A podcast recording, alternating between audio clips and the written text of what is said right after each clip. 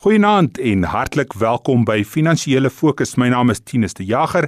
Dit is die 2de Mei. Die COVID-19 pandemie is nou so bietjie meer as 'n jaar aan die gang en die ekonomie is naby vlakke voor die pandemie begin het. En selfs op die korrupsiefront lyk dit asof daar bietjie vooruitgang is. Vanaand gesels ek met Jean-Pierre Verster van Protea Capital Management en Johan Gous van Sasfin Wealth oor die week wat verby is En ons kyk ook so 'n bietjie vooruit na die week wat kom. Goeienaand Jean-Pierre en goeienaand Johan. Jean-Pierre, as ons miskien by jou kan begin.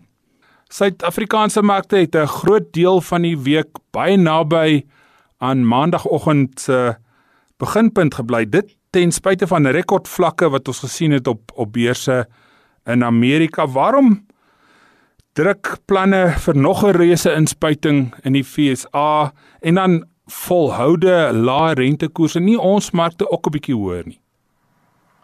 Goeienaand Tinus. Ja, ek dink in markte is dit belangrik om te onthou dat dit gaan nie noodwendig oor wat gebeur nie, maar die verskil tussen die verwagting wat gaan gebeur en dan wat werklik gebeur.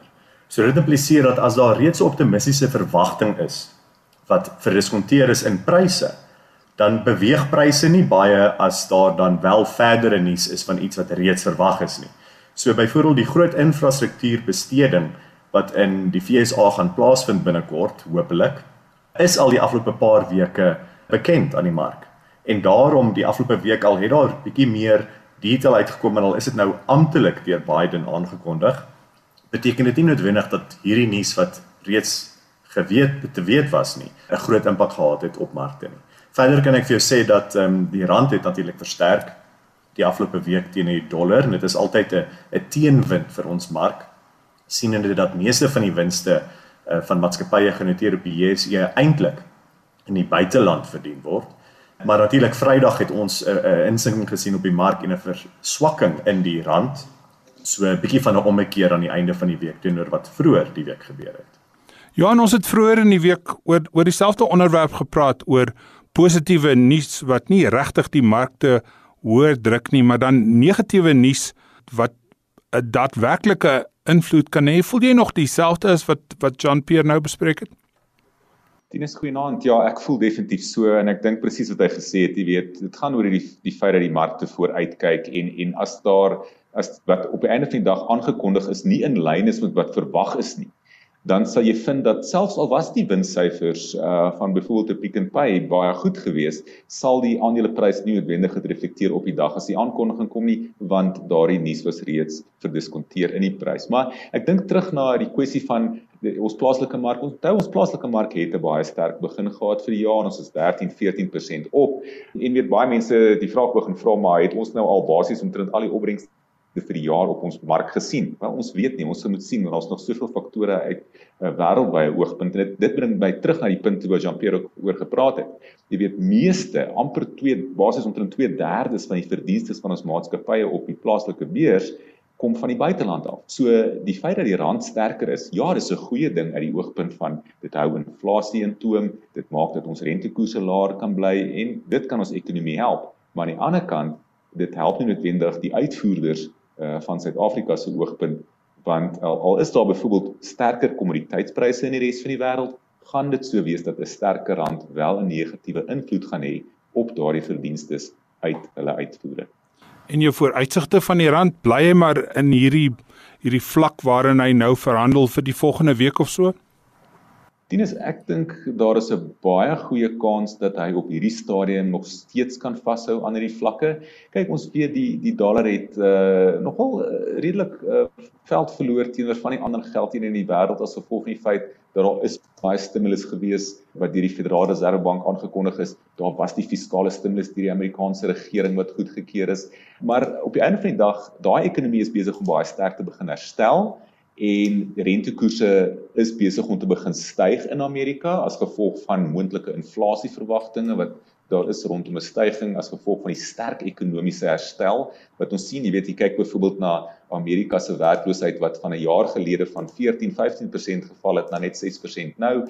Jy kyk na hulle eiendomsmark wat met 12% op is. Hulle verbruiksbesteding en verbruikersentiment is baie sterker as 'n jaar gelede. So daardie faktore begin inspel in 'n tipe van 'n tema van hoër inflasie in Amerika en daarop styg rentekoerse. Nou wat dit beteken is dat die dollar wen dan as gevolg van die feit dat daar hoër opbrengste in Amerika is op byvoorbeeld staatseffekte wat nog steeds 'n veilige hawe is. En jy weet elke keer as daar 'n bietjie kommer in die wêreld is oor byvoorbeeld die COVID-infeksies wat ons nou in Indië sien, die dollar bly op die einde van die dag die wêreldgeldeenheid in mense hardloop terug na dit as 'n hawe van veiligheid. So vir die rand op die oomblik sou ek sê dit is amper vir my so goed as om as dit wat dit kan wees op hierdie stadium en ons bly nog steeds voordeel trek uit die feit dat ons plaaslike rentekoerse baie aantreklik is vir buitelandse beleggers ook. Jy praat van die dollar as 'n veilige hawe. Beteken dit die Amerikaners kan eintlik maar soveel geld druk soos wat hulle wil in hierdie 1,8 trilljoen dollar wat hulle nou nie weer aangekondig het, gaan nie regtig 'n groot verskil maak aan die waarde van hulle geldeenheid nie. Wel, ja, dit is dit is ongelooflike syfers waarvan ons hier praat. Onthou, ehm um, daar was die 1.9 trilljoen dollar wat goedgekeur is in die Senaat.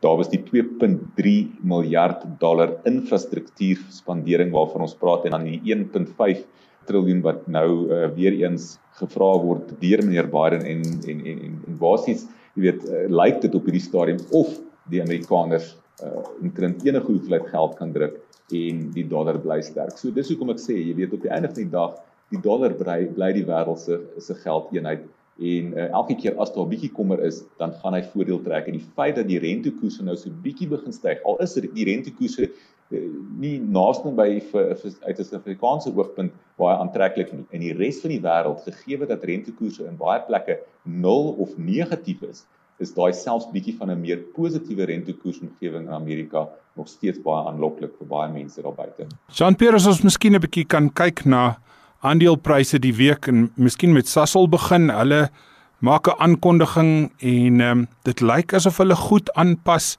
by die nuwe omstandighede waarin hulle moet werk. Ja, Tinus, ek sal liewer sê dat die omstandighede het voordelig toegepas uh, tot Sasol se guns. En wat ek daarmee bedoel is die uh, oliepryse het natuurlik uh, skerp gestyg die afgelope paar maande en deesdae is plastiekpryse ook baie belangrik vir hulle dit is uh, basies die hoofproduk wat in Louisiana vervaardig word met hulle nuwe aanleg daar en plastiekpryse is ook baie hoër die afgelope paar maande. So uh nie teenstaande die probleme wat Sasol in die verlede gehad het en dat hulle 'n klomp van hulle bates moes verkoop het om te help skuld delg die afgelope 6 maande, het hulle aankondiging of opdatering die afgelope week gewys dat hierdie eksterne faktore, die hoë pryse van olie en plastiek het hulle daadwerklik baie bevoordeel. So volumes is effens laer wat wys dat Sasol nog steeds bietjie 'n paar probleme het in terme van om hulle volumes op te stoot van hulle produksie. Maar dit tel baie as die pryse van die produkte wat hulle wel produseer skerp styg en dit help vir Sasol uit hierdie verknorsing uit waarin hulle was, kom ons sê 6 maande tot 'n jaar gelede, waar hulle net nie geld kon maak om hulle skuld te delg nie as gevolg van die lae pryse van olie en plastiek. So Sasol is is baie gehelp deur eksterne faktore en hierdie eksterne faktore lyk my hou aan om Sasol te help om uit hulle verknorsing uit te kom. So net bietjie meer as 'n jaar gelede kon mense Sasol aandeel vir R20 koop. Hierdie week meer as R250, R251. Is dit nog steeds 'n goeie aandeel om te koop? Die ding van Sasol se aandeleprys om dit ware bied of nie, is dat dit is so nou gekoppel aan die prys van olie en plastiek. En as ons onsself 'n jaar terugvat, kon 'n mens die die lae prys van onder R50 'n aandeel per Sasol aandeel regverdig gebaseer wat die olie en die plastiekpryse toe was. Vandag kan 'n mens sê dat teen R250 stuk meer as 10 keer hoër as wat die prys was 'n jaar gelede. Lyk Sasol eintlik goedkoop relatief tot die prys van olie en plastiek. En dit is in wese altyd die tamaletjie wat 'n mens sit met 'n kommoditeitsmaatskappy. 'n Maatskappy wat nie self kan kies teen watter prys hulle produkte verkoop nie. Hulle verkoopprys is altyd afhanklik van die wêreldprys van die kommoditeit wat hulle produseer. En dit maak dit baie moeilik om 'n billike waarde te bepaal want die internasionale uh, kommoditeitsprys bepaal eintlik die winsgewendheid van die maatskappy. So wat ek vir jou kan sê Tinus is as die huidige olie en plastiekpryse teen hierdie vlakke aanhou teen hierdie hoë vlakke aanhou verhandel dan is Sasol teen R250 per aandeel selfs goedkoop wat eintlik in in 'n ongelooflike kontras is tot 'n jaar gelede. Dan miskien aan die ander kant van die spektrum Tongaat Hewlett. Hulle het uh donderdag met meer as 20% gesak na hulle aankondiging gemaak het oor die skuld wat hulle gesê het hulle moet terugbetaal en gaan terugbetaal vir jaar. Ja, nog 'n maatskappy in 'n in 'n skuldverknorsing teen is. Vir 'n ander rede, in in die geval van Tongaat was daar dit lyk asof daar ehm um, uh, ongeruimthede was in hulle finansiële state. En hulle het in daai aankondiging gesê dat hulle eintlik nie al die mylpale behaal wat die banke vir hulle daar gestel het om skuld te delg nie. En hulle is in uh, onderhandelinge met die banke om hulle nog bietjie meer ruimte te gee en bietjie meer tyd te gee om nog bates te verkoop om hulle skuld verder af te bring. Maar die groot teleurstelling in hulle aankondiging het te doen gehad met hulle ehm um, suikerbedrywighede. Hulle natuurlik koop baie suikerriet en verwerk dit na suiker en in hulle verwerkingsaanlegte het hulle nie die nodige versienings gedoen wat hulle gewoonlik sou doen die afgelope jaar nie. En dit het gelei tot die verlies van 'n 'n paar duisend kilogram se suiker wat daarmee heen is as gevolg van hulle aanlegte wat nie optimaal presteer het nie omdat hulle hulle nie versien het nie en dit het 'n wesenlike nadelige invloed gehad op die kontant wat hulle ge, gegenereer het die afgelope paar maande. So dit wys net weer eens uh, Tinus dit is amper soos like aan aan Eskom wat ons van weet en dit is dat as enige maatskappy nie die hulle versienings doen op 'n jaarlikse basis en seker maak dat hulle fasiliteite word versien en dat die dat die hele proses werk nog steeds soos wat dit moet nie, dan uiteindelik gaan iets breek. En dit is wat in die geval van Tongaat Unit gebeur het. Johannes ons miskien ons ons fokus oor see skuif. Voortkom met 'n met 'n goeie winsverslag na vore en dan dan sê my jy hy sukkel om sy produkte te lewer. Daar's 'n tekort aan aan mikroskyfies. En sy aandeleprys val sommer 9% in een dag na hierdie goeie winsverslag. Aan die ander kant doen Apple goed en hulle is tog ook die mikroskyfies nodig, maar daar kom ook waarskuwings by by Apple vir beide hulle telefone en en hulle rekenaars. So dit wys miskien net weer eens dat goeie nuus maak nie regtig 'n groot verskil nie want dis reeds ingereken by die aandeleprys, maar effens 'n bietjie negatiewe nuus druk 'n aandeleprys baie gou af. Dit is korrek, Tinus, maar tog wat ek daarbey ook wil sê is dat dit ook vir ons wys dat verskillende maatskappye gaan baie verskillend reageer onder hierdie kom ons sal sê hierdie herstelperiode van COVID nog. Uh want op die einde van die dag weet ons dat 'n maatskappy soos soos Apple het 'n produk wat uh, op op 'n baie baie front 'n groot aanvraag het en en die en die vraag gaan nie noodwendig weggaan nie. Jy weet ek dink kyk hier na na wat hier gebeur het ons het waardeketTINGS gesien wat basies nie meer funksioneer soos wat dit behoort te funksioneer nie. So as daar nou ergens 'n gaping in die waardeketting kom, dan gaan dit vir een maatskappy in terme van sy waardeketting dalk heeltemal iets anders te beteken vir 'n Ford as wat dit byvoorbeeld vir 'n Apple sal beteken wanneer dit kom by hierdie ehm um, mikroskyfies ensovoorts. Maar weer eens dit wys net vir ons, jy weet, uh, daar is soveel jy kan nooit praat oor die mark as geheel nie. Jy mens moet baie keer baie spesifiek raak oor 'n spesifieke industrie of oor 'n spesifieke maatskappy. Soos in Suid-Afrika. Jy weet, jy sal vir my as jy vir my die vraag vra van watter aandeel dink ek is baie goed, sal ek sê, weet jy wat, ek dink ek sal eerder gaan en sê watter areas van die mark lyk vir my of daar geleenthede is want jy moet nog steeds op die einde van die dag vir jou dalk 2 of 3 aandele in daardie sektortjie soos byvoorbeeld die finansiële um, area van ons mark. Ek dink die finansiële industrie, daar is nog waarde as jy kyk hierdie week wat gebeur het, dit is tot 'n groot mate finansiële aandele wat bietjie die pas aangegee het nadat hulpbronne aandele meeste van die jaar tot datum die pas aangegee het met die hoër kommoditeitspryse. So dit is maar die manier hoe ek daarna kyk en 'n mens moet baie spesifiek wees wanneer 'n mens gaan besluit of wat om vir watter rede jy 'n sekere aandeel gaan koop of nie.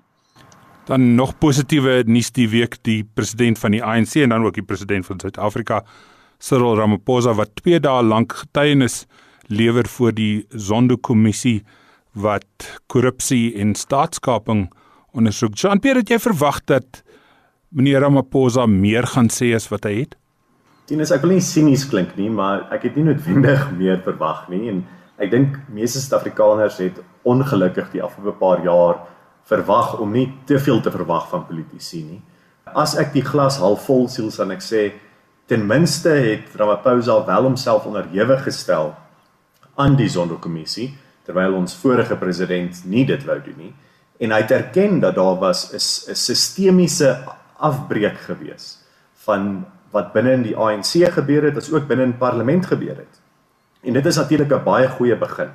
As mens die glas half leeg sien, sou ek sê dat wat baie teleurstellend is is dat hy herbevestig het dat hy voel kaderontplooiing is nog steeds 'n 'n kernbeleid van die ANC wat ons in ons land sal sien, selfs in die regering wat nie veronderstel is om 'n politieke party te wees nie, maar mense wat in die regering dien uh, ten goede van die land en tot die grondwet, liewer as tot enige spesifieke uh, politieke party. So dit was teleurstellend om te hoor. So ja, ek dink wat ook duidelik is is die kommentaar wat Ramaphosa gelewer het oor die tweespalt binne in die ANC.